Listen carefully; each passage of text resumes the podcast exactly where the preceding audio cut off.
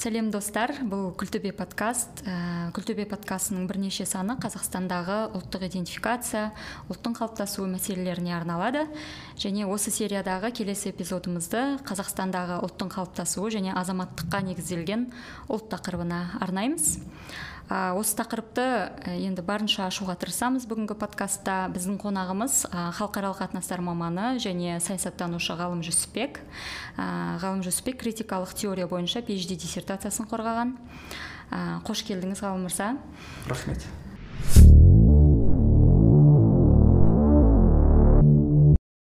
Жаңағы айтқандай бүгінгі тақырып ұлт құру процестеріне осы азаматтық ұлттың құрылуына тақырыбына арнаймыз.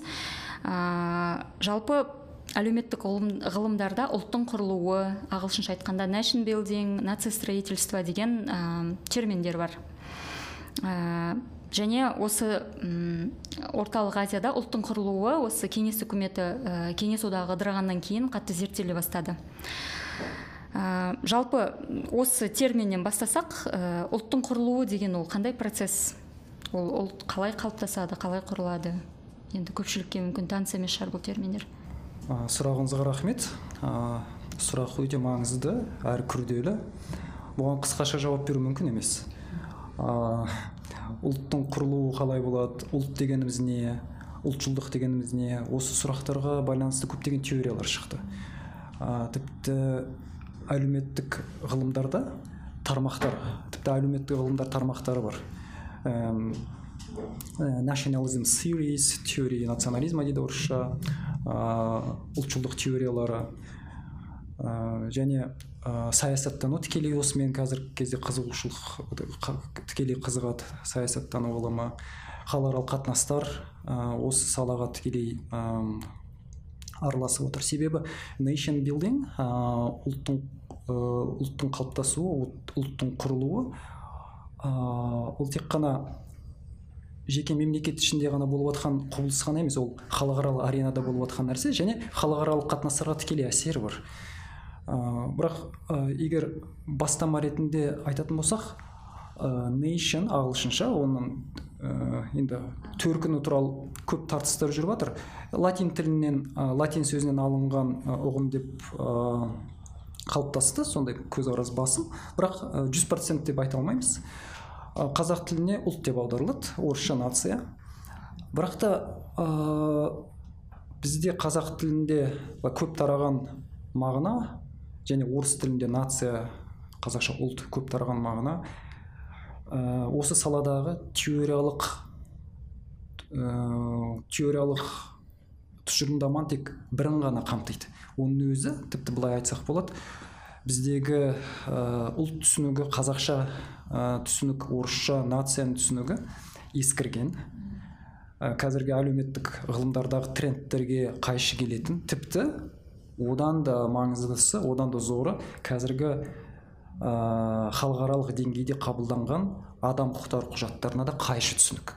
Түсінік түсініктер. Біз ұлт деген кезде этникалық текті ә, меңзейміз. Аха бізде ұлт тең этникалық тек. Яғни қазақ ұлты деген кезде этникалық қазақтар ойға келеді. Орыс ұлты деген кезде этникалық орыстар ойға келеді. Бұл көп ұлтты мемлекет дейміз. иә көп ұлтты мемлекет. Бұл жердегі біздің ә, айтайын дегеніміз көп этносты мемлекет. Малти эсник ағылшынша малти эсник малти рейшал емес көп нәсілді. Алайда бағана айтқанымдай бұл қазіргі әлеуметтік ғылымдардағы тренд, трендтерге соңғы кезде болған трендтерге қайшы. Ә, және ең маңыздысы ә, халықаралық деңгейде қабылданған адам құқықтары адам құқықтары құжаттарына қайшы. Тіпті оны былай деп айтсақ болады халықаралық адам құқықтары принциптеріне және халықаралық адам құқықтары құндылықтарына қайшы түсініктер. А, нақты қай жері қайшы болып тұр айтып берсеңіз. ұлт дегеніміз егер ә, сол аталған халықаралық деңгейде қабылданған адам, адам құқықтары құжаттарын назарға алатын болсақ ұлт дегеніміз саяси бірлестік. Ә, саяси ассоциация саяси бірлестік. Яғни қайсы бір мемлекетте тұратын азаматтардың барлығы ұлт. Тегіне байланысты емес жынысына дініне әсіресе этникалық тегі мен дініне байланыс, байланыссыз бұлардың барлығы бір ұлт өкілдері. Ә, дәлел ретінде ә, жалпы ғаламдық адам құқықтары декларациясының 15 бабын келтіруге болады. Ә, орысша всеобщая декларация прав человека universal declaration of human rights он 48 жылы қабылданған. Соның 15 бабында нақты айтылады. Әркім өзінің ұлтын таңдай алады деген. Бұл жерде ұлттық мен енді қазақша аудармаларын қарадым. Ұлтты бізде азаматтық деп аударған да. Асылы бірақ та ағылшынша француз тіліндегі ағылшын тіліндегі асылдары негізін түпнұсқасы nation ұлт. Демек ки қырық сегізінші жылы қабылданған ә, адам құқықтары саласында жасалған негізгі құжаттың бірі ә, адам құқықтары декларациясы. Осы, осы декларацияға сәйкес сәйкестендіріліп басқа құжаттар да қабылданған. Олар құқықтық тілмен айтқанда олар binding treaties олар құқықтық жақтан ә, мемлекеттерге қол қойған мемлекеттерге кәдімгідей оны орындау міндет, міндетін беретін құжаттар. Олар осы декларацияға негізделіп жасалған. Олардың барлығының мағынасынан шығатын ә, нәрсе ұлт саяси бірлестік. Ол саяси ә, ассоциация. Өкінішке орай бізде ә, тіпті қарапайым халық қана демей ақ қояйық қарапайым азаматтар демей ақ қояйық. Біздің интеллигенция ғылымда да. ғылымда да өкінішке орай ә, басым көзқарас ә, этнос тең ұлт ұлт тең этнос. Бұл ә, егер ғылыми терминдерді қолданатын болсақ ә, бұл примор, примордиалдық эссенциалдық түсінік. Эссенциализм деп жатады бірақ көп тараған ә, анықтама примордиалдық түсінік иә. Оны түсіндіріп берсек көпшілікке примордиализм таныс емес болуы мүмкін. Иә бұл бұл терминді егер талқылайтын болсақ өзім семантикалық тұрғысынан талдайтын болсақ ә, примордиализм ә, сонау ата заманнан өзгермей келе жатыр деген нәрсе де примордиал ағылшынша бір адам бір ұлттың ішінде туылады сол ешқашан өзгермейді сол ұлт бұрыннан бастап қазіргі заманға дейін өзгермей келе жатыр деген. Иә сан ғасырлар бойы келе жатыр. Сан ғасырлар сан мыңдаған жылдар бойы келе жатыр. Ә, орысшада примордиалды аударсаңыз орысшаға первобытный деп айтады. Яғни қазақша аударады қазақша да сол атам заманнан келе жатқан ә, ұлтшылдық деген. Яғни ұлттың негізін ұлттың негізін жүздеген тіпті мыңдаған жылдар ә, керіге апарып тірейді ә, бұл бір кезде ә, кейбір европа мемлекеттеріне қолдау тапқан әлбетте қолдау тапқан түсінік. Бұны ә, қолдаған көптеген европада көптеген ойшылдар болды. Бірақ ә, қайталап айтайын қазіргі 21 ғасырдағы ғылымға қайшы және адам құқықтары түсініктеріне адам құқықтары принциптеріне құндылықтарына қайшы нәрсе. Және ә, тарихта бұны жоққа шығарады. Әлеуметтану социология әлеуметтану антропология бұны жоққа шығарады. Мәдениеттану культурология бұны жоққа шығарады. Себебі ә, мәдениет өркениет ешқашан тұрақты болмаған. Қазірдің өзінде бұл бұлар ешқайсысы тұрақты емес бұлар динамикалық құбылыстар. Ә, бұлар тұрақты өзгеріп тұратын құбылыстар.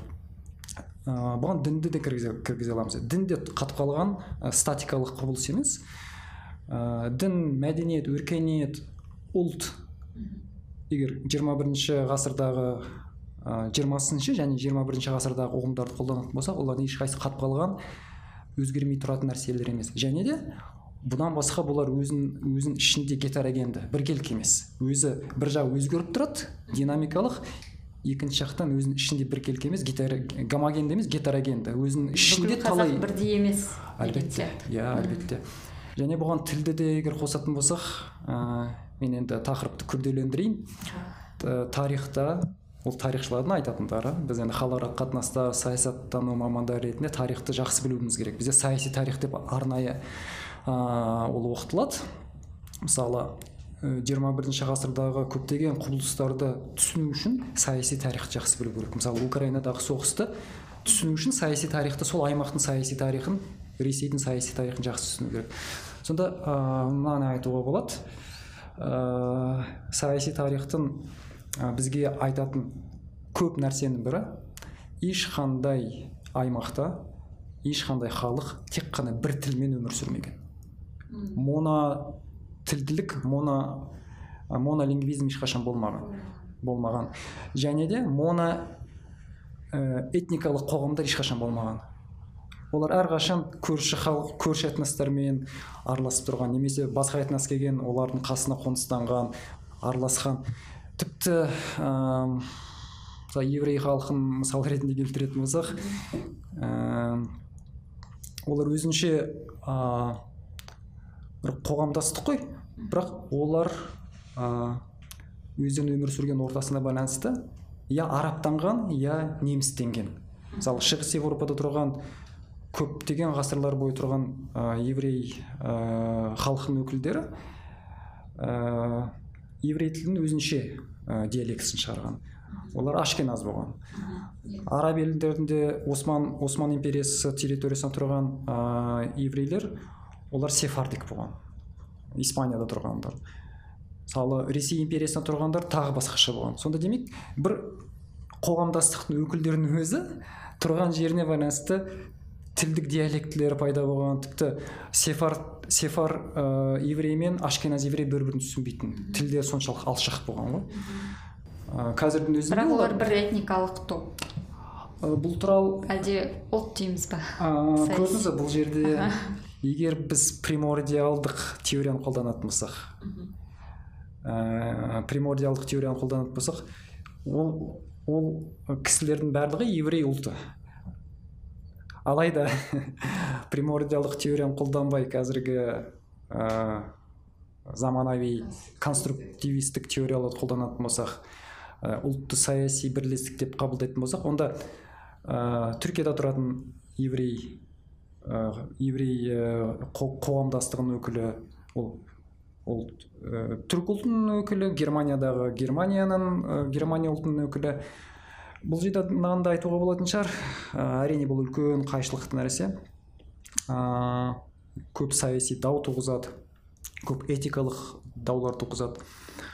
Ә, мысалы израиль мәселесінің әлі шешілмей келе жатуы осы примордиализм мен конструктивизм арасында соғыс.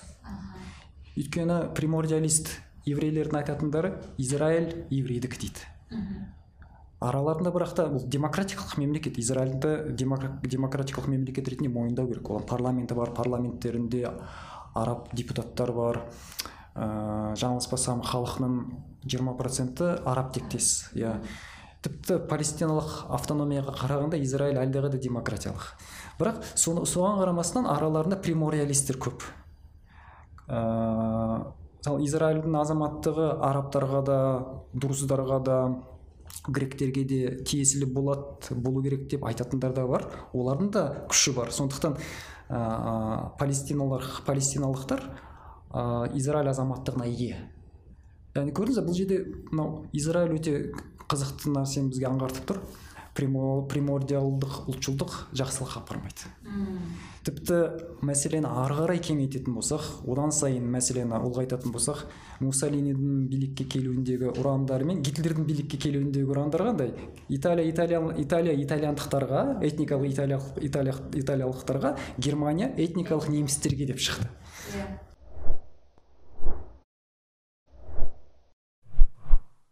Бізде де сол теория енді басым болды ғой. Бір ұлт бір территорияда мемлекеттілігін құрады. Және ол ұлттың өкілдерінің барлығы бір тілде сөйлейді сталиннің ұлт теориясында.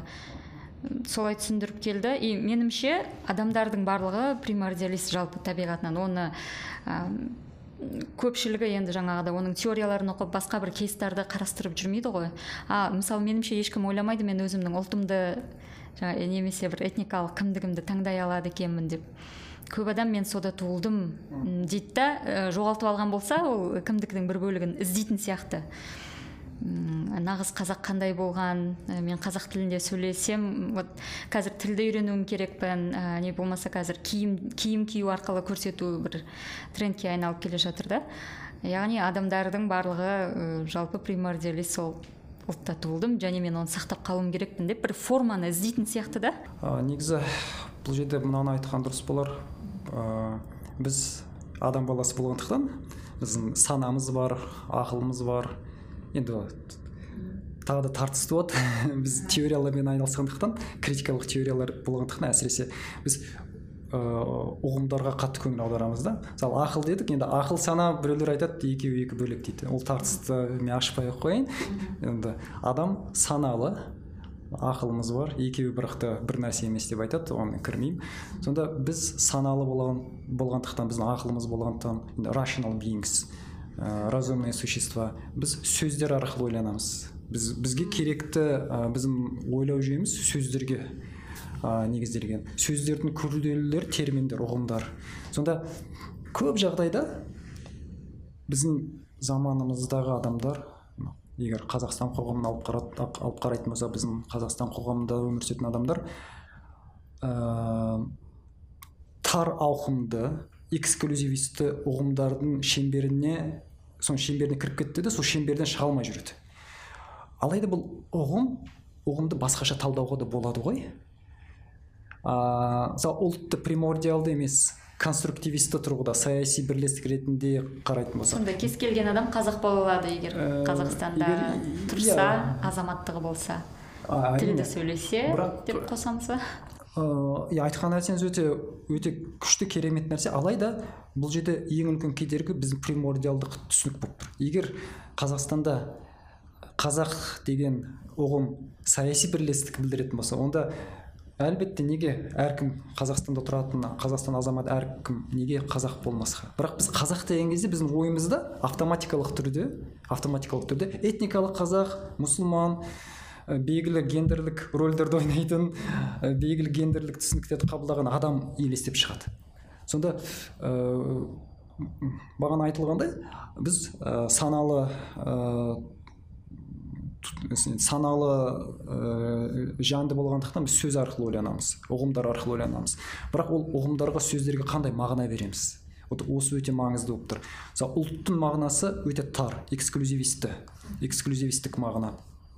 Ә, эксклюзивизм инклюзивизм деп ұғымдарды тағы ашып алу керек. Инклюзивизм ә, ол қамтушы қамтушы басқаларға ашық өзгелерден қорықпайтын деген мағынаны білдіреді эксклюзивистік ол керісінше. Өзгелерге жабық өзгелер сыртқа тебетін ә, тек қана өзінің ә, менікі дегендермен ғана араласатын соны ғана қабылдайтын өзгенің барлығын жат дұшпан деп қабылдайтын түсініктер. Сонда өкінішке орай ә, біздегі ұлт әлемде мәдениет қаншама кешіріңіз сөзіңізді бөлдім.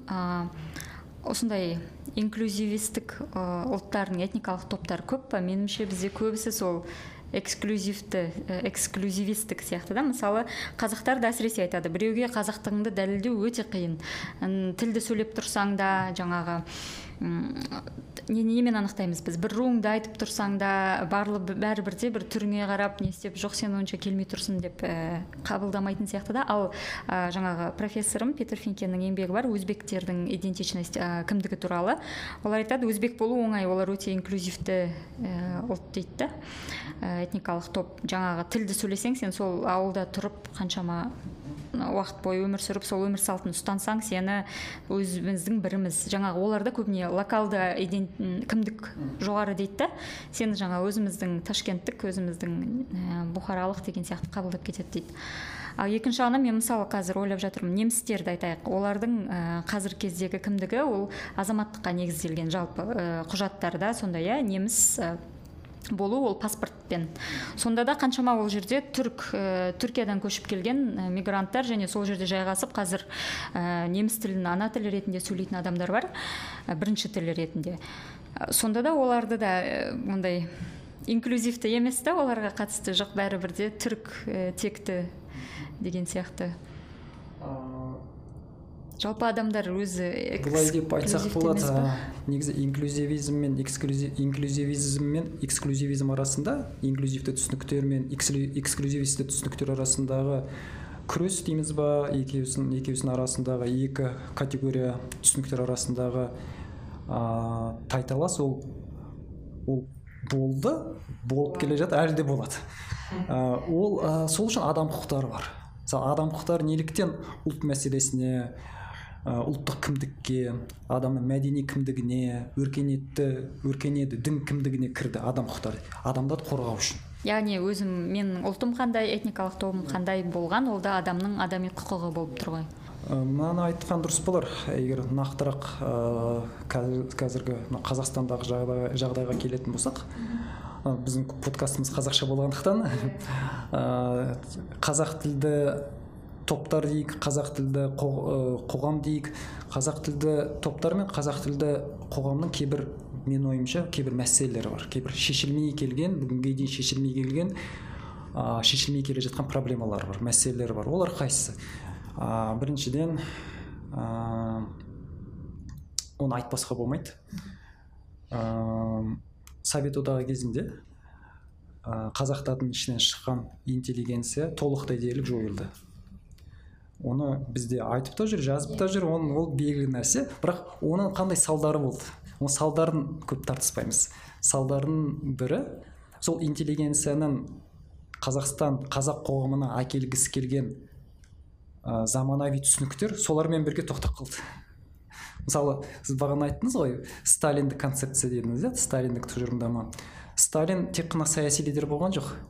Тек қана диктатор болған жоқ. Ол сонымен қоса ә, nation building мәселесінде ұлтты қалыптастыру мәселесінде өзінше идеолог. Ол кісінің бас хат істейтін иә. Бірақ ол кісінің ә, қабылдаған бағыты примордиалдық бағыт ол жиырмасыншы отызыншы жылдары ә, өзінің еңбектерін жазған өзінің сөздерін сөйлеген кісі. Жиырмасыншы жиырмасыншы отызыншы жылдар. Ол қай дәуір? Италияда фашизмнан германияда нацизмнан шығып келе жатқан дәуірі. Ссср да советтер одағында кеңестер одағында оған параллель сталин шықты. Сталиннің пікірлері де бір тіл бір этнос ол этнос үлкен болса бір ұлт. Сонда қарасаңыз өте өте оңай қарапайым қисын логика. Бір тіл бір этнос бір ұлт. Бұл примордиалистік түсініктің ә, кеңестер одағына жасалған аппликациясы. Қолданылуы. Оған параллель ә, бағана айтылғандай италияда өте қатты эксклюзивистік түсініктер шықты арты катастрофаға айналды германияда соған ұқсас нәрселер. Және европа бұдан өте үлкен зардаптар беріп шықты. Әлі де мысалы еуропада еуропа елдерінде әлі де ә, кейбір эксклюзивистік оңшыл радикал оңшыл групптар бар. Алайда ол жақтағы мейнстрим әсіресе ғылымдағы ғылымдағы мейнстрим педагогика ә, саласындағы мейнстрим негізгі ағым примордиалдық ұлтшылдықты қабылдамайды. Ә, олардың негізгі бағыты әрине ұлтты саяси концепция ретінде қабылдау. Енді германияда мәселелер мәселелер бар жоқ емес. Скандинав елдері жақсы мысал бола алатын шығар. Мысалы ә, швецияда өте қызықты құбылысты көре аласыз. Стокгольм халық стокгольмда тұратын халықтың 10 процентке жақыны жаңылыспасам 10 процентке жақыны қара нәсілді. Сіз кімсіз сіз кімсіз деп сұрасаңыз мен шведпін дейді. Жоқ сіз швед емессіз. Африкалық қой десеңіз адам ренжіп қалады. Сонда біз өзіміздің примо- примордиалдық түсінікпен барып сұраймыз. Ана қара нәсілді адамды көреміз. Ә, ол бізге енді айқын ғой анау қара нәсілді. Сен қалай швед бола аласың? Айтады жоқ мен шведпін дейді. Паспортым швед иә. тұрады қай жақтан келген Иә. деген сияқты иә? Айтып жоқ мен шведпін ә, ол мысалы мен өзім басыма келген мәселелер. Ә, сонда ол жақтағы енді бізде мынаны айтуы мүмкін қарсы уәж ретінде олардың барлығы швед тілін біледі ғой деп. Әлбетте швед тілін біледі бірақ швед тілі ә, сан ғасырлық тарихы бар. Және нобель сыйлықтарын шығаратын деңгейдегі тіл. Швед ғылым академиясы нобель сыйлығын тарататын ғылым академиясы. Олардың негізгі тілі швед тілі. Швед тілі ғылым тілі. Әлбетте ол швецияға қоныстанған адам швед тілін қуана қуана сол барған күннен бастап үйренеді. Және швед тілін үйренгенге дейін ол жақтағы мемлекеттік органдар адамға жағдай жасайды. Курс курс одан кейін аудармашы береді. Бір жылда меңгере ме екі жылда меңгере ме үш жылда меңгере ме яғни бұл жерде қазақстан мен швеция мен қазақстан арасында тілге байланысты тікелей аппликация жасау тікелей ә, бала не салыстыру жасау бізді көп қателіктерге әкеп ұрындырады да сонда сіз айтқан сталиндік концепцияны бізде білу керек себебі менің өзімнің тәжірибем қазақстандық ә, мамандармен біраз енді араласу тәжірибем бар. Көпшілігі сталиндік концепцияның ә, не екенін білмейді. Примордиалдық ұлтшылдықтың сталин концепциясы екенін біл- білмейді. Айтсаңыз таң қалады. Ә, бұл ә, біздің ағылшынша ағылшын тілінде өте керемет ұғым бар. Iron cage дейді. Iron cage ә, темір клетка темір тор. Сол ә, қоғамдық қатынастарды орнатуда мемлекет құруда біз қандай мемлекет боламыз перспективасын біздің көз алдымызға елестетуде примордиалды ұлтшылдық түсінігі iron cage. Темір клетка болып тұр біздің қазақстан қоғамы үшін да біздің өзіміздің қазақ тілді қоғам үшін. Және сіз бағана бір жерде айтып қалдыңыз ыыы қалай қазақ боламыз? Вот қандай не істесе қазақ боламыз? Бұл жерде өте үлкен қайшылық бар. Бағана ыыы айтылып өткендей ешқандай мәдениет ешқандай өркениет қатып қалған емес. Тарихта да ондай болмаған қазірде де ондай жоқ. Қазақ болудың стандарты жоқ. Егер қазақ болудың мынандай стандарты бар ана жақта тұр десеңіз бұл абсурд болады. Ондай ешқашан болмаған ешқашан болмайды да. Біреулер айту этникалық жағынан айтып тұрсыз. Ыыы біреулер айтуы мүмкін. Ыыы гендерлік кейбір түсініктер бар дін бар. Ыыы оны жоққа шығара алмаймыз алайда ыыы егер 21 бірінші ғасырдың түсініктерін 21 бірінші ғасырдағы трендтерді назарға алатын болсақ ұлт ііі тіл болсын дін болсын дәстүр болсын осы біздің білетін бізге ыстық көрінетін құбылыстардан ыыы олардан біраз тыста. Тіпті оларды ә, белгілі деңгейде өзгерте алатын құбылыс. Яғни ұлт дегеніміз өте динамикалық ә, тіпті мен сізге мынандай бір мысал берейін ә, украинада алексей баумистер атты атақты философ профессор бар сол кісі украиналық мен әдейі мысал ретінде келтіріп отырмын ол кісі тіпті бүйтіп айтты қадап қадап айтты.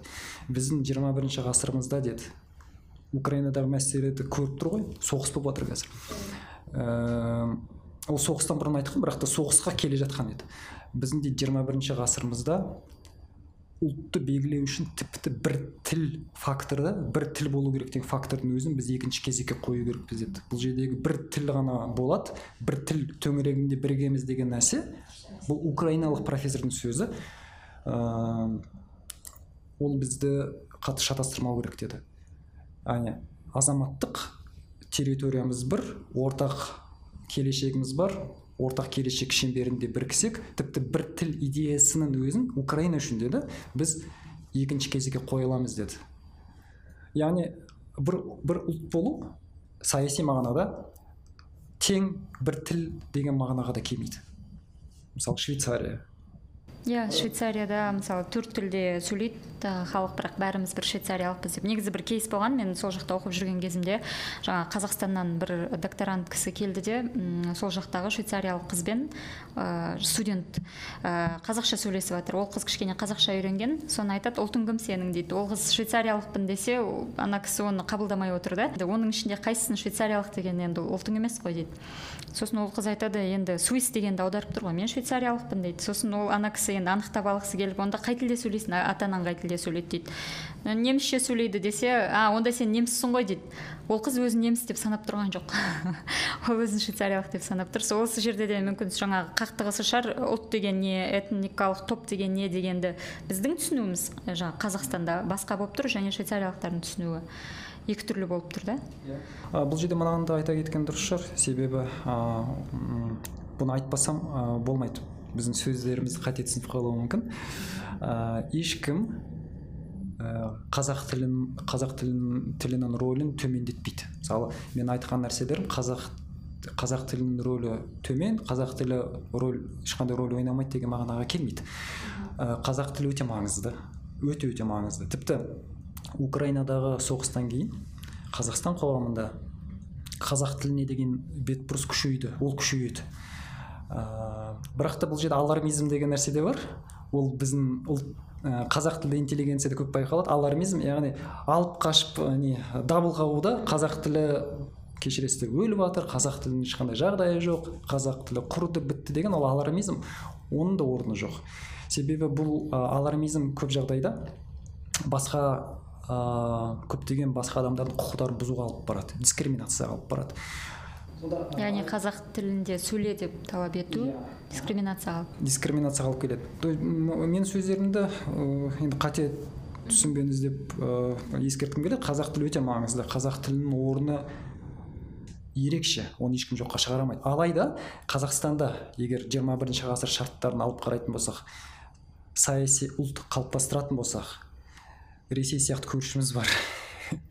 Украинада соғыс ашты. Украинада соғысқа тікелей араласып отыр агрессор. Оны айту керекпіз бұл бар нәрсе. Бұндай мемлекетпен көршіміз. Және біздің өзіміздің қазақстан территориясында бізбен қатар өмір сүріп жатқан үш жарым миллион этникалық орыстар бар. Осы факторды назарға ала отыра қазақстанда саяси ұлт қалыптастырудың инклюзивті формулаларын іздеу керекпіз да және бұдан қазақтар біздің этникалық қазақтар тек қана ұтады неге? Өйткені этникалық қазақтардың едәуір бөлігі айтуымыз қиын оның нақты статистикасы жоқ едәуір бөлігі орысша сөйлейді орысша ойланады. Ол ол табиғи заңды нәрсе. Бұл қылмыс емес. Бұл жерде мынаны да айта кету керек. Мен тақырыптан тақырыпқа секіріп кетіп жатырмын ә, тілді абсолют тілді абсолюттендіру деген құбылыс болады. Тілді абсолюттендіру. Ол қате нәрсе. Яғни тілді абсолют абсолюттендіру деуіміз. Романтизация языка деп те айтады кейде орысша абсолютизация языка. Адамның жақсы жаман қасиеттерге я жақсы я жаман қасиеттерге ие болуы тілді білумен немесе немесе білмеумен байланыстырылады. Мысалы ол көбінесе ана тіл деп айтылады да. Мысалы ана, ана тілін білген керемет жақсы ана тілін білмеген жаман. Бұл мына ашығын айтайық. Бұл тек қана қате түсінік емес бұл нәсілшілдіктің ә, көрінісі.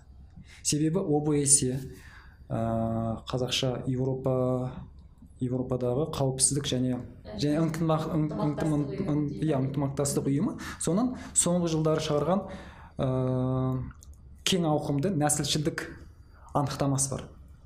Сол анықтама бойынша қайсы бір қайсы бір индивидтің қайсы бір индивидтің қайсы бір азаматтың шыққан тегіне нәсіліне сақ болыңыздар тіліне этникалық тобына байланысты дұшпандық жасау және алалаушылық жасау нәсілшілдік деген.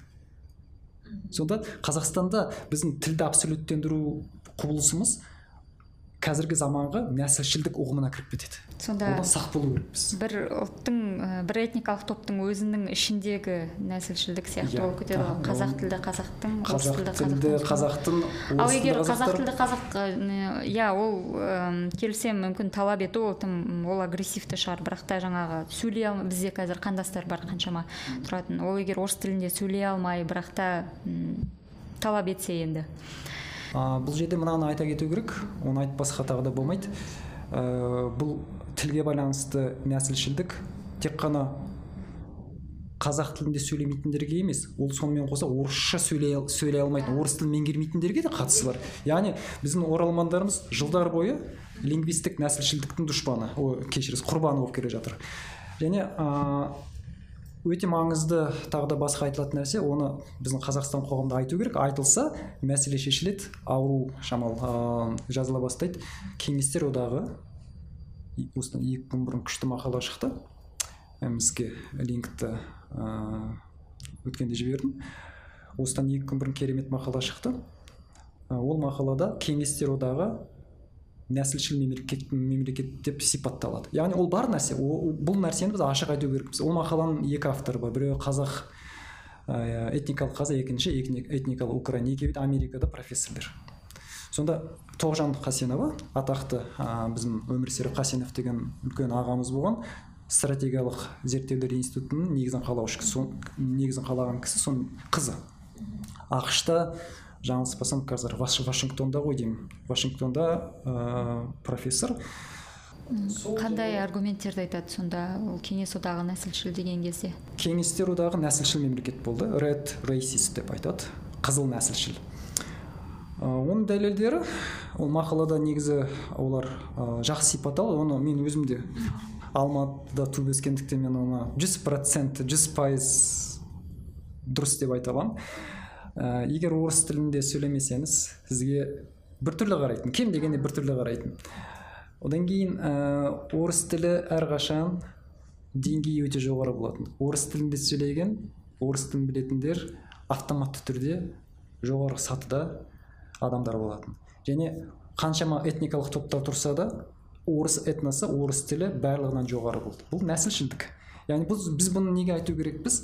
Себебі бұл біздің этникалық қазақтардың ішінде жүрген жылдар бойы жиналған әлі шешімін тапқан шешімін таппаған бір өк, не бір өкпе реніш. Бұны айту керек айтылса мәселе шешіледі бұл травма. Және бұл травма бос кеткен жоқ ол қазақтарға жұқты. Біз бұның керісінше вариантын қазақ тілін білмейтіндерге жасаймыз.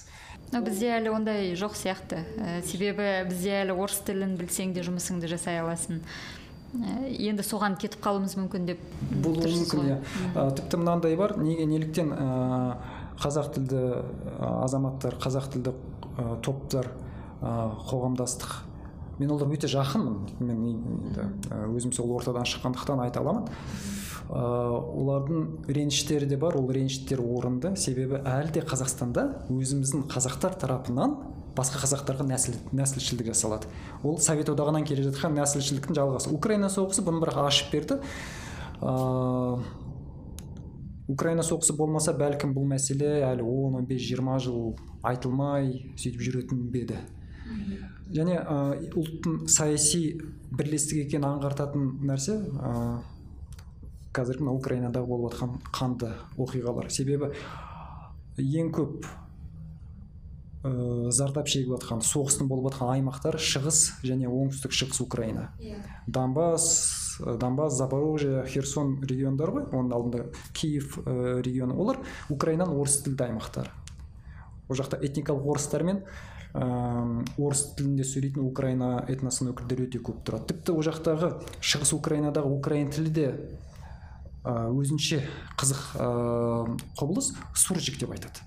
Суржик деген сол украин мен мәдени иә әдеби әдеби украин мен орыс тілінің араласып кеткен формасы суржик бірақ ә, соғыстан кейін украина халқы саяси ұлт болу процесінде өте қатты ілгеріледі. Орыс тілдісі украин тілдісі еврейі грегі украина орысы этникалық тегіне қарамастан егер украина мемлекетін қолдаса украинада тұрғысы келсе агрессорға қарсы болса барлығы бір саяси ұлт өкілі болып ә, қабылданды өздерін солай қабылдап жатыр. Және ә, басқа да бізге бәлкім қазақстан үшін пайдалы нәрселер зеленскийді барлығымыз білеміз шыққан тегі еврей. Ә, одан кейін ә, украина әскерінде өте көп қолбасшылар мен білетінім ә, тіпті зеленскийдің қасында жүрген азаматтардың үлкен бөлігі орыс тілді украиндықтар русскоязычный дейді.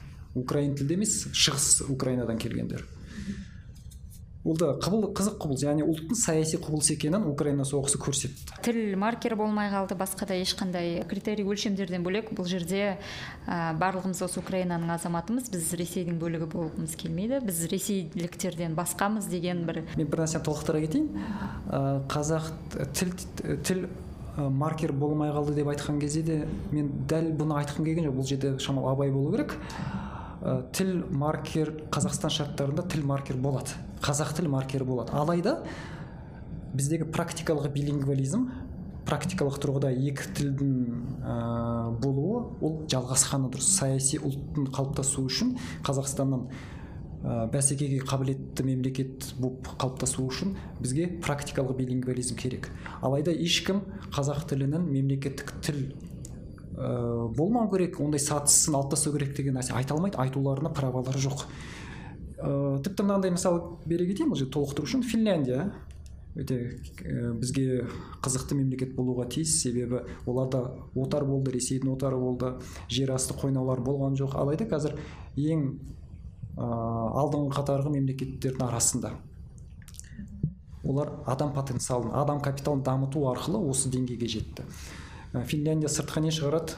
Ағаш және ғылым технологиялар мен педагогика технологияларын шығарады ойлап қараңыз адамның ойын миын шығарады да идеяларын шығарады. Ол жақта екі мемлекеттік тіл бар.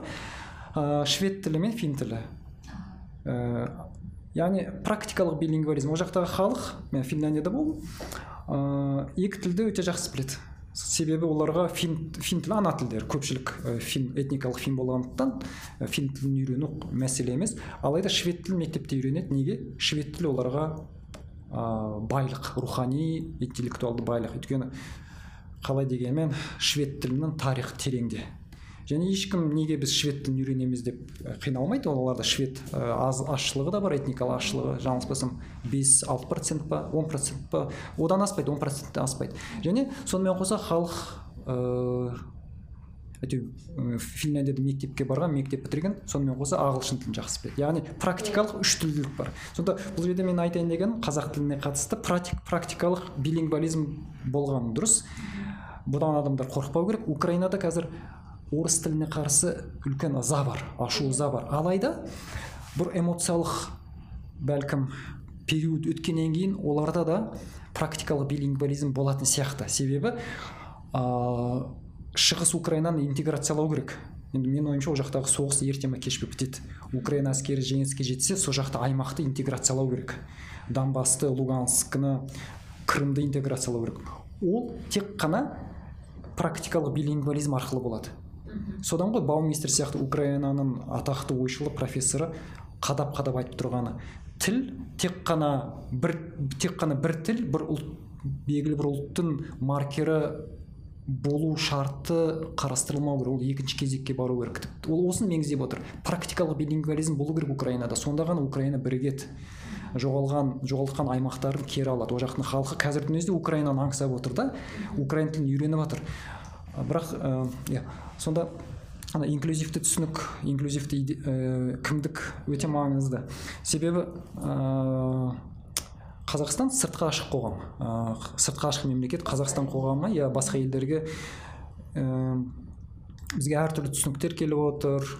Мысалы ә, мен а- адам құқықтарына тікелей қызығушылығым болғандықтан соңғы бес алты жыл адам құқықтарымен айналысамын ә, адам құқықтарымен айналысқандықтан қоғамның ала құла әртүрлі пікірде плюралистік формада болуын мен қалаймын. Өйткені адам құқықтарының негізгі қазіргі кезде қорғайтын нәрсесі әр алуан болсақ та ә, бір мемлекет азаматы ретінде бірігеміз дейді.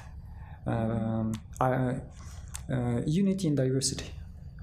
Яғни әртүрлі болсақ та этникалық тұрғыдан діни тұрғыдан түсініктер тұрғысынан тіліміз жағынан біздің әртүрлі ә, талғамдарымыз жағынан әртүрлі болсақ та біз ортақ мемлекет шеңберінде біз біріге аламыз және бізді бай қылатын нәрсе осы. Сосын мынаны өте ә, көп назарға алу керекпіз. Ә, қай елдер қазір дамыған қай елдерде қазір біз айтамыз инновацияның деңгейі жоғары қалай қай елдердің бәсекелестік деңгейі жоғары қай мемлекеттерге адамдар көшіп барғысы келеді? Осы diversityге адамдардың әр алуандығына құрмет көрсететін осыны қабылдайтын елдер ғой. Скандинав елдері европа батыс европа елдері ақш канада. Сонда біз өзіміз кейде ә, бір қайшылыққа кіреміз де айтамыз біз қазақпыз біз тек қана осы жолмен жүру керекпіз қазақтар мынаны ешқашан жасамаған дейміз де. Қазақ болу осы мен бағана айтылғандай қазақ болудың формуласы қазақ болудың стандарты жоқ. Бұл ғылымға да қайшы ақылға да қайшы. Бұл абсурд нәрсе. Белгілі бір этностың белгілі бір мәдениеттің өркениеттің қатып қалған стандартты несі жоқ бір эталоны жоқ. Сонда біз осыны айтамыз да бұл біздің ә, менталды тығырығымыз iron cage mental iron cage яғни менталды темір клеткамыз. Біз осыны айтамыз да артынша біз қалай бәсекеге ә, қабілетті мемлекет боламыз қалай ә, алдыңғы қатарғы мемлекет боламыз қалай дамимыз дейміз. Даму үшін ой еркіндігі керек. Ой еркіндігі ә, мен өзім салама кірейін. Ой еркіндігі бес абсолютті адам құқықтарының бірі. Бес абсолютті адам құқықтары бар. Яғни ешқандай жағдайда олар шектелмейді. Олар шектеуге болмайды оны шектей алмайсыз мүмкін емес. Соның біріншісі адам адамның ой еркіндігі. Ой еркіндігі дегеніміз уже содан басталады. Мысалы мен қандаймын мысалы мен қазақпын мысалы мен орыспын. Ары қарай оны егер қазақ тек қана осындай десек біз адам ой еркіндігін шек, шектеп тастаған боламыз. Соны бағана ұлттық интеллигенция жойылып кетті дедік қой. Сонда жиырмасыншы ғасырдың басында жойылған қазақ ұлттық интеллигенциясы осы нәрселерді қолға алған. Себебі олар біздің қазіргі 21 бірінші ғасырдағы қоғамда қалыптасқан табу болып кет таб, табуированный деп айтамыз. Табу болған нәрселердің көпшілігін олар практикалық түрде жойған. Олар билингвалист болған көпшілігі екі тілде үш тілде сөйлеген. Көпшілігі басқа этникалық топтан ыыы әйелдермен үйленген. Иә бірақ бізде сол қазір ә, егер алаш зиялыларын алатын болсақ олар туралы сөйлеген кезінде нағыз қазақтықты сақтаған ә, бір қазір бір бейнесін жасалған сияқты көрінеді да. Оның бейнесінде олар ә, білмеймін қазақтың тіліне көп еңбек еткен әдебиетін сақтауға еңбек еткен деген сияқты тарихын ә, сол жағынан көрсетеді. Бірақ олардың қай тілде сөйлегенін кімдермен үйленгенін ол жағына азырақ мән беретін сияқты да. Немесе қандай ұстанымда болғандарын. Жаңа адам құқықтары бойынша қандай ұстанымда болғандықтары аз айтылады. Олар өте инклюзивті азаматтар болды деп айта аламын. Тіпті ыыы мынандай нәрсені айтуға болатын шығар егер сол азаматтар ә, әлихан бөкейханов ахмет байтұрсынов жаһаншам ыыы мұхамедов мұхамеджан тынышбаев міржақып дулатов сияқты атақты азаматтар біздің 21 бірінші ғасырымызға келетін болса оларды алып келетін болсақ олар менің ойымша қазіргі кезде прогрессивті адам құқықтарын қорғайтын азаматтар болатын еді. Гендерлік теңдікті қорғайтын басқа тақырыптарға кірмей ақ қояйын. Сол негізгі адам құқықтарына қатысты ә, болып жатқан тартыстарда прогрессивті бағытты ұстанатын адамдар болар еді. Себебі олар не істеді? Сол ойлап қараңыз мың тоғыз жүз он жетінші он сегізінші жылдар он жетінші жылы бірінші мұсылмандар съезді болады. Ә, ақпан төңкеріс болады патшалық жоқ уақытша үкімет большевиктер әлі билікке келген жоқ. Сонда прогрессивті ә, мұсылман ә, лидерлер бір тұңғыш ресей мұсылмандар съездің құрылтайын ұйымдастырады да ең бірінші қабылдаған бес мәселенің бірі бес мәселенің бірі гендерлік теңдік. Әйел құқықтары мен әйелдер мен ерлер құқықтары тең дейді. Ойлап қараңыз бізде қазіргі кезде әйел орнын білу керек бір саты төмен тұру керек деп айтылады. Бұл қайдан шықты? Біз қазақпыз ғой дейді. Бұны дініміз айтып тұр дейді. Сонда мұсылман ә, ресей ә, ресейде тұратын ә, мұсылмандар конгресі. Оны ұйымдастырғандардың арасында мұса бигиев сияқты атақты ислам ойшылы бар. Ол кісінің пікірлері қазіргі кезде қазақстанда білінбейді. Тіпті оны таратсаңыз да таратуға тырыссаңыз да ол прогрессивті пікірлерді бізде ә, біздің ортодоксалды ә, діндарлар қабылдай алмайды. Сонда жүз жыл бұрынғы нәрсені біз қабылдай алмайтындай деңгейге түсіп қалдық. Себебі совет одағы ол интеллигенцияны толықтай жойып жіберді. Олардың жасаған жасауға бастаған процесстер тоқтап қалды. Біз бір морозильникке бір тоңазытқышқа кіргізіп тастаған сияқты болдық та ойларымыз бәрі тоңып қалды қатып қалды. Мысалы мұса бегиевтің мысалы ғұмар қараштың айтқан нәрселері бар. Ғұмар қараш ол, ол тұлға да қазақстанда көп білінбейді. Алашорданың муфтиі болған. Оның атақты бес фатуасы бар. Фатуаның біреуі құрбан шалмаңдар деген. Сонда ыыы мысалы жиырма бірінші ғасырда өмір сүріп жатырмыз. Адам құқықтарымен қоса жануарлар құқықтары бар. Екеуі қатар жүреді. сонда құрбан шалады. Бізде құрбан шалуға қарсы шықсаңыз сіз дін дұшпаны болып кетесіз иә алайда бұл мәселеде де байқау керек абай болу керек. Ә, дін жиырма бірінші ғасырда сол жиырма бірінші ғасырдағы түсініктерге сәйкес интерпрет интерпретациялар жасалу керек қой. Сонда ғұмар қараш оны жүз жыл бұрын айтып кеткен құрбан шалмаңдар деген. Керек жоқ деген.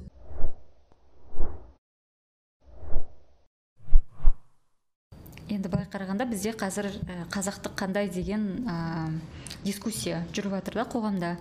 Ә, сон неліктен кейбір ә, көпшілік тарапынан кейбір жаңағыдай өлшемдер дейік ә, сақталып қалып келе жатыр. Неге біз ә, бір белгілі бір кезеңді таңдап алдық та? Қазақтар бұрында осындай болған жаңағы әйел адамға да байланысты ә, орнына байланысты немесе тілге байланысты дәстүрлерге байланысты жаңа той жасау басқа бір кезеңді ұстап қалғанымызда ол өзгермейді. Неліктен бұл үлкен күшке ие. Бұл негізі айтады ғой кез келген дәстүрдің ә, сақталуына ә, яғни оның бір рационалдылығы бар. Және ол бір көпшілік үшін рационалды деп айтып жатады ғой. Сұрақ өте күрделі. Бұл жерде ә, бірнеше нәрсеге назар аудару керек шығар. Ә, біріншіден ә, ол бір травма ма? травма да болуы мүмкін. Иә травма жағы бар себебі. Кеңестер одағы тек қана тоталитарлы мемлекет болған жоқ. Тоталитарлы мемлекет ол саясаттанудың беретін анықтамасы. Мысалы авторитаризм бар тоталитаризм бар. Екеуінің ең үлкен айырмашылығы мынада. Тоталитарлы мемлекет өзінің азаматтарының отбасы тірлігіне де араласады деген. Кеңестер одағы оны істеді отбасыға араласты діни түсініктерге араласты. Авторитарлы мемлекет адамды өзінің жеке өмірінде отбасылық өмірінде еркіндікке жібереді тек қоғамдық қоғамдық өмірде ғана қысымшылық жасайды. Әсіресе саяси алаңда. Кеңестер одағы авторитарлы емес тоталитарлы мемлекет болды. Біз бұны ә, тіпті былай деп айта аламыз. Кеңестер одағының ә, тек қана саяси тоталитаризмнен басқа ағылшынша брейн washing деген ұғым болады. Адамның санасын ойын өзгертіп жіберу. Ол қалай болды?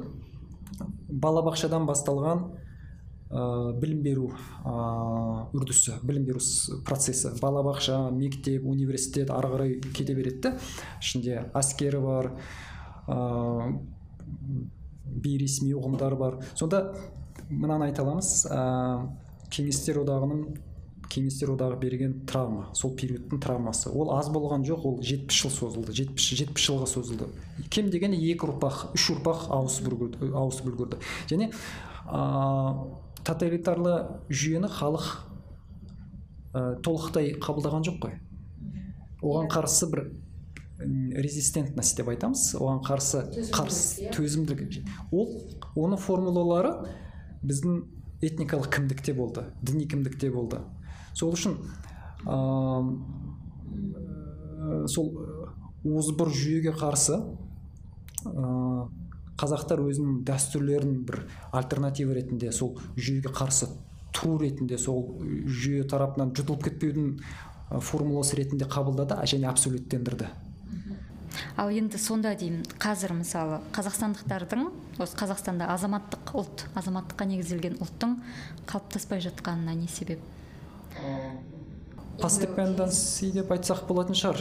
Сөзіңізді бөліп жібердім кешірім сұраймын. Ағылшынша постепенданси деген ұғым бар. Көп нәрсені түсіндіреді. Орысша эффект кали алдыңғы дәуірдің кейінгі дәуірге беретін тікелей ой пікір сана жағынан әсері. Ә, бағана бір жерде айтқанымдай біздің тіпті ә, ойшылдарымыз интеллигенциямыздың өзі ә, әлеуметтік ғылымдардағы интеллигенциямыздың өзі примордиалдық сталиндік түсінікте жүр. Яғни ол советтер одағының тоталитарлық ә, тоталитарлық қасиетінің ә, көрінісі. Себебі біз сол ә, сол жүйеден көп нәрсені алып шықтық. Және адам құқықтары деп көп айтылды. Бізде адам құқықтарының универсалдығы әмбебаптығы әлі көп білінбейді. Бұны бізге тез арада қолға алу керек. Тез арада. Себебі сонда ғана қазақстан ә, бәсекеге қабілетті мемлекетке айналады сонда ғана қарапайым халықтан бастап элитаға дейін барлығының жағдайы болады. Енді адам құқықтарының әмбебаптығы дегеніміз әркімді тек қана адам болғаны үшін сыйлау құрметтеу. Бұл адам құқықтары саласындағы ең басым тұжырымдама. Бұның аты натуралистік философикалық тұжырымдама деп аталады. Натуралистік концепция. Бағана айтылған ә, жалпыға ортақ адам құқықтары декларациясы одан кейін алпыс алтыншы жылғы конвенциялар одан кейінгі бүгінге дейін болған бүкіл конвенциялар бала құқықтары бар ішінде әйел әйел әйелдер құқықтары бар мүмкіндігі шектеулі азаматтар құқықтары бар. Солардың барлығына қатысты жасалған конвенциялар белгілі бір идеяға белгілі бір концепцияға тұжырымдамаға негізделеді. Ол осы натуралистік адам құқықтарын натуралистік философикалық тұжырымдамасы. Біз адам баласын тек қана адам болған үшін ғана құрметтейміз адам баласына адам құқықтарын беретін конституция емес мемлекет емес олар өздігінен бар. Сонда бұл не үшін маңызды? Себебі ә, саяси ұлт болып бірігу осы платформа ә, негізінде болады. Неге дамыған елдерде адамдар біз саяси ұлт боламыз ба этникалық ұлт боламыз ба деп тартыспайды. Олар бұл тартыс тек мамандардың арасында ғана бар олар тартысады да бірақ оның өзінде ә, бұл тек теориялық ойындар ғана. Себебі қоғамдағы жалпы түсінік бұл адам келді ма бізге кім екенін біз қарамаймыз оны алалауға болмайды.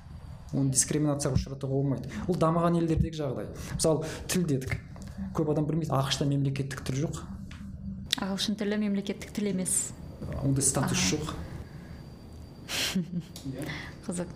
Бірақ ә, барған азаматтар керек болса үйренеді керек болмаса үйренбейді иә. Сонда әри- әрине ақш біз үшін бірақ ақштың азаматтығын алу үшін ә, тілін үйрену керек шығар. Бірақ аз, ақш азаматы болып та ағылшынша сөйлемеген адамдар көп чайна таунда бар ондай. Бірақ қалай алғандарын білмеймін. Сұра, олардан сұрау керек та.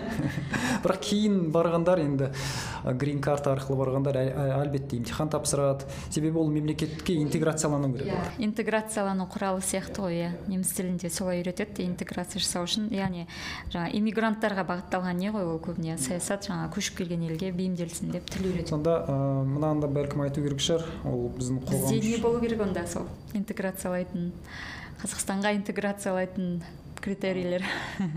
Енді украина соғысына көп тоқталдық. Менің ойымша украинадағы соғыс ә, позитивті нәтижелер де береді. Біріншіден ә, қазақ этносы өз арасында өз арасында бірігу процесін бәлкім күшейтетін шығар. Себебі бағана ә, айтылғандай ә, қазақстан сыртқа сыртқы мемлекеттерге сыртқы ғаламға ашық.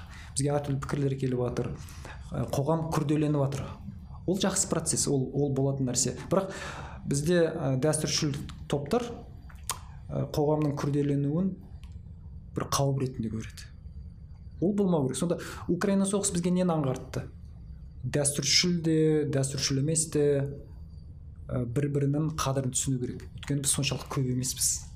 Ә, және украинадағы соғыс өте керемет нәтиже берді. Украина соғысы феминист лгбт украиндықтармен қатты дәстүршіл украиндықтарды біріктіріп жіберді. Өткенде мен қызық ә, твит байқадым. Киевте ғой деймін. Киевтегі демонстрацияда ә, лгбт және феминист ұйымдардың өкілдері азов ә, әскерлерін жақтап ә, плакат алып бара жатты алып бара жатты азов дегеніміз ол ә, бастапқыда ультраұлтшылдардың ұйымы болатын. Кейін бірақ та ол өзгерді. Кейін кезде ол ә, жалпы мына соғысқа сол жерде қорғанысқа ә, қатысқысы келетін адамдардың барлығын қамтыды. Сондықтан мынау ресей пропагандасы айтатындай қазіргі кезде азов немесе ана соғыста болғандағы азов ол ультраұлтшылдардың шығарған несі емес ұйымы емес бастапқыда сондай болған. Сонда ол не ретінде месседж ретінде күшті. Лгбт және феминист ұйымдар өкілдері азовтың мына бастапқыдағы ультраұлтшылдардың ә, суреттерін алып соларды қолдау қол- қолдау көрсетіп демонстрация жасаған. Сонда украина қоғам бірікті шынымен бірікті. Тек қана тіл жағынан емес ә, қоғамның бірігуі әр, әр сатыда әр неде болады ғой әр ә, ә, неде ә, с- ә, измерениеде болады. Өлшемде сонда ә, сол өлшемдердің бірі гендерлік түсініктер. Олар өте күрделі. Мысалы қазақстан қоғамында ә, олар әлі де күрделі болып келе жатыр. Алайда менің ойымша украинадағы соғыс осы болып жатқан ә, нәрселер біздің қазақ этносын көбірек біріктіретін сияқты. Орыс тілді қазақ тілді ғана емес дәстүршіл дәстүршіл емес. Тіпті феминист бағытта жүрген біздің азаматтар мен феминистерге бүгінге дейін қарсы болған азаматтар бірігу керек те. Өйткені біз неліктен бөлінеміз. Біз саяси ұлт болу керекпіз. Одан кейін біздің ә, айналамыз қауіп қауіпсіз емес. Қауіпсіз емес яғни біз дамысақ тек бірге ғана дами аламыз. Және мынаны да ә, адам құқықтары саласында жүрген адам ретінде маман ретінде мынаны айтқым келеді. Басқа басқа азаматтардың адам құқықтарын мойындау қабылдау ол біздің капризіміз емес ол біздің міндетіміз. Ол каприз а мен сенің құқықтарыңды мойындай қояйыншы сен феминист екенсің сен дәстүршіл екенсің мен сені мойындай қояйын деген ол ондай болмау керек. Ол, ол біздің міндетіміз адам баласы ретінде 21 бірінші ғасырда өмір сүретін тұлға ретінде қазақстан азаматы ретінде ол біздің міндетіміз. Неліктен себебі біздің ата заңымыз бар конституциямыз бар. Конститу- біздің ата заңымызда адам құқықтарын біз мойындаймыз құқықтарын құрметтейміз деп кәдімгідей андай статьялар бар иә. Сонда енді бүгінгі әңгімеден жалпы ә, бір месседж да басты бір идеясы м, былай сияқты. Ұлт құрылу құрылу процестері ол әр ә, тарихи уақытта әртүрлі болды. Мысалы жиырмасыншы жылдардағы жаңағы сталин осы ұлт идеясын беріп жатқан кезде сол кезде бір ә, не дейді толқын болды иә? Ол кезде германияда ұлтты түсінуі және жаңа италиядағы ұлтты түсінуі бір ә, неде болды? Қалай сол түсінікпен жаңағы кеңестік үкіметтегі екеуі ұқсас болды. Ал енді біз қазіргі жиырма бірінші ғасыр қазіргі заманда енді біз ұлт дегенге жаңа бір этникалық тұрғыдан қатып қалмай ұм, көбіне бір елдің азаматтары ретінде және ортақ құндылықтарға негіздеу керекпіз деп тұрсыз ғой. Және оның бастысы адам құқықтары болса болса ә, және жаңағы этникалық кім екеніне байланысты дискриминация немесе төмен санау жоғары санау деген нәрсе болмау керек. Ортақ құндылықтар адам құқықтары болу керек. Соны өте өте өте дұрыс айттыңыз. Ұлттық құндылық деген кезде бұл жерде біз көп шатасамыз. Ұлттық құндылықтар бізде тең этникалық құндылықтар болып кетеді. Yeah. Иә. этникалық құндылықтар дегенде де қандай ұғымдар? Патриархалды арасында обскурантистік архаикалық ұғымдарды кіргізіп жібереміз. Ол ә, мәдениеттануға антропологияға жалпы ғылымға және өмірге қайшы нәрселер. Адам құқықтарына да әлбетте қайшы. Яғни ұлттық құндылық дегеніміз бұл жерде адам құқықтары адам адам құқықтары құндылықтары болу керек. National values национальные ценности. Адам құқықтары сол үшін бар. Иә. Онда осы жерде меніңше біз ә, бүгінгі әңгімені осындай әдемі месседжбен оймен ә, аяқтасақ. Ә, және осыған енді қатысты тақырыпқа қатысты тағы да қосарыңыз болса қазір айтсаңыз болады. Мынаны қоса кету керек шығар. Ә, сталин дәуірінде ә, примордиалды ұлтшылдық неліктен шықты. Ә, бұның нақты жауабын әлі ешкім айтқан жоқ. Батыста бұл тақырыпты зерттеген өте көп иә. мамандар бар иә. Алайда айтылған көзқарастардың бірі мынау. Ә, кеңестер одағы орыс емес халықтарды алдады. Біз сендерге еркіндік self determination right право на самоопределение өз келешегіңізді өздеріңіз ә, анықтай аласыздар правосын бердік. Және жиырмасыншы жылдары не болды? Ә, қазақ ұлтын шығарды қырғыз ұлтын шығарды орыс ұлтын шығарды және әрқайсысына республиканы берді. Міне сендер мемлекеттердің бар деді. Сонда бұл халықты алдау болды. Ол мемлекет емес бұл тоталитарлы жүйенің бөлшектері болды. Сонда бұл көзқарастардың бірі неліктен сталин ә, примордиалды ұлтшылдық концепциясын өте қатты қолдады. Окей ол бәлкім өз идея жағынан соған жақын болған шығар оған тартымды болған шығар. Өйткені сол дәуір этникалық примордиалдық ұлтшылдық дәуірі болды. Еуропаға қарайық. Және совет совет кеңестер одағында бұның практикалық маңызы қандай болды? Ыыы міне сендердің мемлекеттерің бар біз сендерді алдаған жоқпыз. Соны аффирматив акшн деп айтты ғой. Ә, жаңағы осылай жерің бар ә, өздеріңнің бір ұлттық ә, топтарың бар жаңағыдай мәдениеттеріңді көрсете аласыңдар. Міне сендерге музей деген сияқты барлығын беру арқылы қолдау табу жаңа қарсылықтардың барлығын жою деген сол мақсатта жасалады. Иә бастапқыда ә, сіз айтқандай ә, аффирматив акшн өте қатты қатты анық байқалды. Содан ғой ә, алашорда өкілдерінің көпшілігі ә, большевиктерге сеніп ә, солардың қатарына қосылды. Жиырма он сегізінші он тоғызыншы жиырмасыншы жылдары. Ә, алайда әсіресе ленин қайтыс болғаннан кейін сталин билікке келгеннен кейін affirmative action деген нәрселердің барлығы жойылды. Әсіресе отызыншы жылдарға жақын қазақстанда ашаршылық болды. Ашаршылық өзі өте үлкен травма. Бұны да негізі біз нейшн билдингте атау атау атау керекпіз. Біз бұл көп зерттеліп жүрген нәрсе жоқ. Тіпті мынаны айтсақ болады. Қазақстандағы этникалық примордиализмге негізделген нейшн билдинг ұлттық ә, мемлекет қалыптастыру ол ашаршылықтың травмасының да бір несі бар онда әсері бар. Әсері. Бар. Себебі қазақтар этникалық қазақтар өз жерінде ашлық болып қалды. Және ашлық болғанда жай ашлық болған жоқ. Ол үлкен үлкен травма болды. Миллиондаған ә, бала жетім қалды. Миллиондаған бала жетім қалды. Бұның саяси психологияға тікелей қатысы бар. Саяси психология деген жаңа ғылым тармағы бар. Жаңа демейік енді кейінгі кезде шыққан. Сол саяси психологияның айтатын нәрсесі мынау.